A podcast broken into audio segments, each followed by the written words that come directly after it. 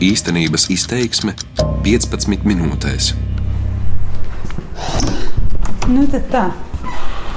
Lūdzu, sēdies pie datora. Jauns upuris. Mani sauc Zane Mači. Kas te jāatver Latvijā vai? Raidījuma īstenības izteiksmē sākšu ar eksperimentu. Tā dalībnieks ir mans kolēģis, Latvijas radio žurnālists Edgars Kupčs. Zem lupas liksim problēmas ar dzīvesvietas deklarēšanu. Dzīvesvietas deklarācijas iesniegšana.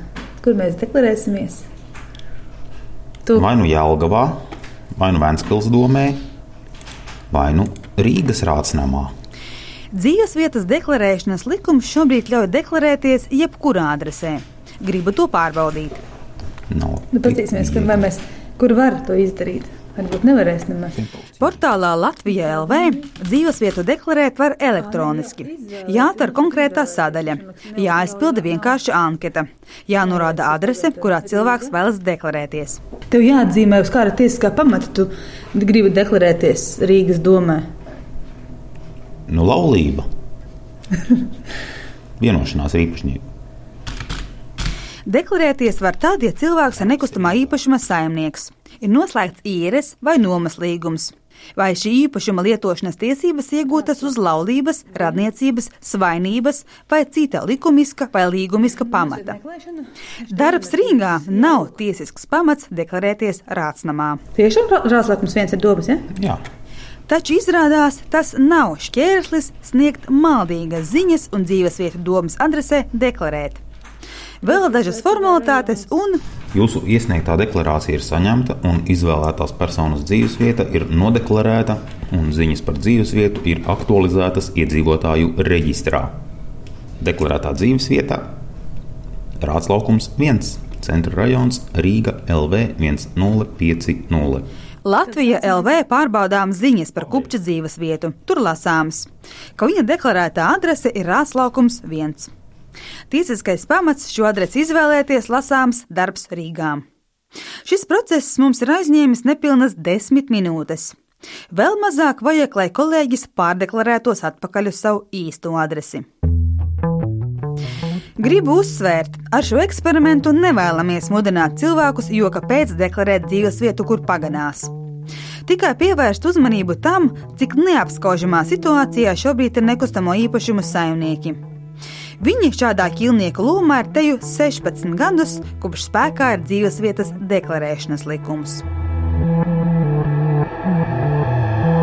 Tas nav mīts, ka cilvēku fantāzija deklarējoties nav robežu. Pēdējā tautas skaitīšanā centrālās statistikas pārvalde konstatēja virkni gadījumu, kad dzīvesvietas deklarētas dzīvošanai nepiemērotās vietās. Piemēram, veikalos, noliktavās, birojos, viesnīcās, arī valdības mājām. Tādas bijušas kopumā teju 6000 adrešu. Vairāk kā 2000 gadījumu cilvēki bija deklarējušies graustos. Tikpat bieži vietās, kur nemaz nav ēku. Teju 500 gadījumos norādītas adreses, kuras nemaz neeksistē. Šādus trikus izmanto dažādu iemeslu pēc. Tautas skaitīšana atklāja dažas no tiem. Piemēram, tālbraucēji šoferi un celtnieki no vairākām bijušajām PSRS republikām deklarējas darba devēja juridiskajā adresē, lai varētu pārvietoties un strādāt Schengenas teritorijā. Viesu namā laukos, tālu no Rīgas, deklarētas galvaspilsētā strādājošas personas ar uzturēšanās atļaujām. Lai gan likums saka, ka deklarētā adrese vajadzīga tikai tāpēc, lai valsts iedzīvotāji varētu sazināties, ir arī otrs iemesls. Virkne normatīvo aktu nosaka piedarību pašvaldībai kā vienu no nosacījumiem, lai varētu saņemt attiecīgās pašvaldības pakalpojumus. Piemēram, iespēju pieteikt bērnu bērnu dārzā, skolā, saņemt pašvaldības sociālo palīdzību un citus pakalpojumus. Turpina Rīgas domē par iedzīvotāju dzīvesvietas reģistrēšanu atbildīgā Sandra Zamore. Vienbrīd cilvēkiem bija tāda praksa, tagad gan viņi ir vairāk vai mazāk uh, mazinājusies. Uh, Teiksim, Maskavas ielā 208, kur ir Rīgas patvērsme. Tur es varētu teikt, ka droši vien personas gribēja iegūt kaut kādu zināmu sociālo palīdzību Rīgā. Nu, piemēram, bija moments, kad bija teiksim, caurlaides vecrīgā nepieciešams. Jā. Tad tiešām bija tāds uh, moments, kad cilvēki deklarējās uh, varbūt vienā mazā telpā vairāk simti, kas it kā tur dzīvoja. Un tad, jā, tad viņi iegūst šīs caurlaides. Noteikti arī vēl aizvien mēs nevaram izslēgt to, ka deklarējās, deklarē bērnus pēc noteiktas rajonas, pēc noteikta teritorija, jo tur ir potenciāli tā kā iecerēts apmeklēt skolu jau nākotnē. Nu, protams, ka tādi gadījumi ir, jā. Labdien! Labdien. Te zvana pensionāts mediķis. Tas ir divus gadus sen raidījuma kruspunktā ieraksts. Manas tiesības tiek ierobežotas, jo pie manis deklarējās svešs kaut kāds cilvēks, kur es vispār nezinu, un lai es viņu izdeklarētu, man ir jāsaigā, tā man sūta uz imigrācijas, tā man sūta uz Rīgas domi, tad man visu laiku jāsaigā, un tagad vēl atnāk jāmaksā par viņu, par atkritumu izvešanu un to naudu, ko es esmu samaksājis pēc izdeklarēšanas, arī atpakaļ es vairs nevaru dabūt. Es vispār nesaprotu, vai tad bez dzīvokļa īpašnieka atļaujas drīkst deklarēties, un man pa viņu ir jāmaksā. Nu. Tātad par negodīgu cilvēku upuriem var kļūt jebkurš. Jā, jāpārslēdz līgums ar apsaimniekotāju. Stāsta žurnālists Jānis Ramāns. Un, attiecīgi, aizejot pie apsaimniekotāja priekšsēdētāja, parakstot dokumentus, ieraudzīja, ka man tur skaitās, ka dzīvo trīs personas, lai gan mēs esam dzīvoklī deklarētas divas personas. Jāņa piemērs rāda, ka valstī vai pašvaldībai tomēr deklarētā dzīvesvietas adrese nevienmēr palīdz sazināties ar iedzīvotāju. Turklāt arī ik pa laikam tagad atnāk no bankas vēstule par viņas pensijas uzkrājumiem man uz dzīvoklis paskatīt. Dzīvokļu īpašniekam ir aizdomas, ka tā ir radiniece bijušajiem saimniekiem, no kuriem dzīvoklis pirms desmit gadiem iegādāts. Jānis plāno pašvaldību informēt par situāciju. Tad īstenībā tā situācija nav normāla. Jebkurš var pie tavā dzīvoklī pieregistrēties. Turklāt. Lai situāciju kaut nedaudz uzlabotu, valdība atbildīgajām ministrijām lika mainīt likumu. Pirms diviem gadiem izstrādājot likuma grozījumus, bija plānots, ka cilvēki varētu deklarēties tikai dzīvojamajās telpās. Šis stāsts ir daudz ilgāks no šī dzīvesvietas deklarēšanas likuma paša sākuma, kad pašvaldības teica, ka nu, tātad, nu, tas ir mazliet neprātīgi, ka mēs esam tik no viena grāva, kas bija pierakstu sistēma, aizgājuši pilnīgi otrā grāvī, kas ir deklarēšanās sistēma, ka jūs varat piedeklarēties pilnīgi visur un, un neņemot vērā neko. Saka Sanita Šķiltere, Latvijas pašvaldības savienības padomniece finanšu un ekonomikas jautājumos. Lai gan grozījumi izstrādāti, saimā tie nav pieņemti. No īpašnieka viedokļa tiešām tas ir ļoti ļoti nesakārtots jautājums. Neviens nevar būt drošs, ka pie viņa naktas stundā neveiks kāds kratīšana vai nemeklēs kādu. Un tajā mirklī jums, jūs varat būt situācijā, ka jūs uzzināt, ka kāds ir deklarējis dzīvesvietu. Jo, protams, policija meklēs vispirms tur, kur ir deklarētā dzīvesvieta. Šāds gadījums, kad cilvēks par deklarētu svešinieku uzzinājis no policijas, ir bijis. Turpina Rīgas domā par deklarēšanos atbildīgā Zamure. To arī iekšlietu ministrija atzīst, ka tāds viņiem ir bijis jā, gadījums, un, un tiešām tur vadījās pēc deklarācijas, principā nepārkāpa tos noteikumus neviena puse, ne otra, bet, diemžēl, cieta tajā brīdī iedzīvotājs. Jā. Nepieļaujam gadījumu, jā, protams.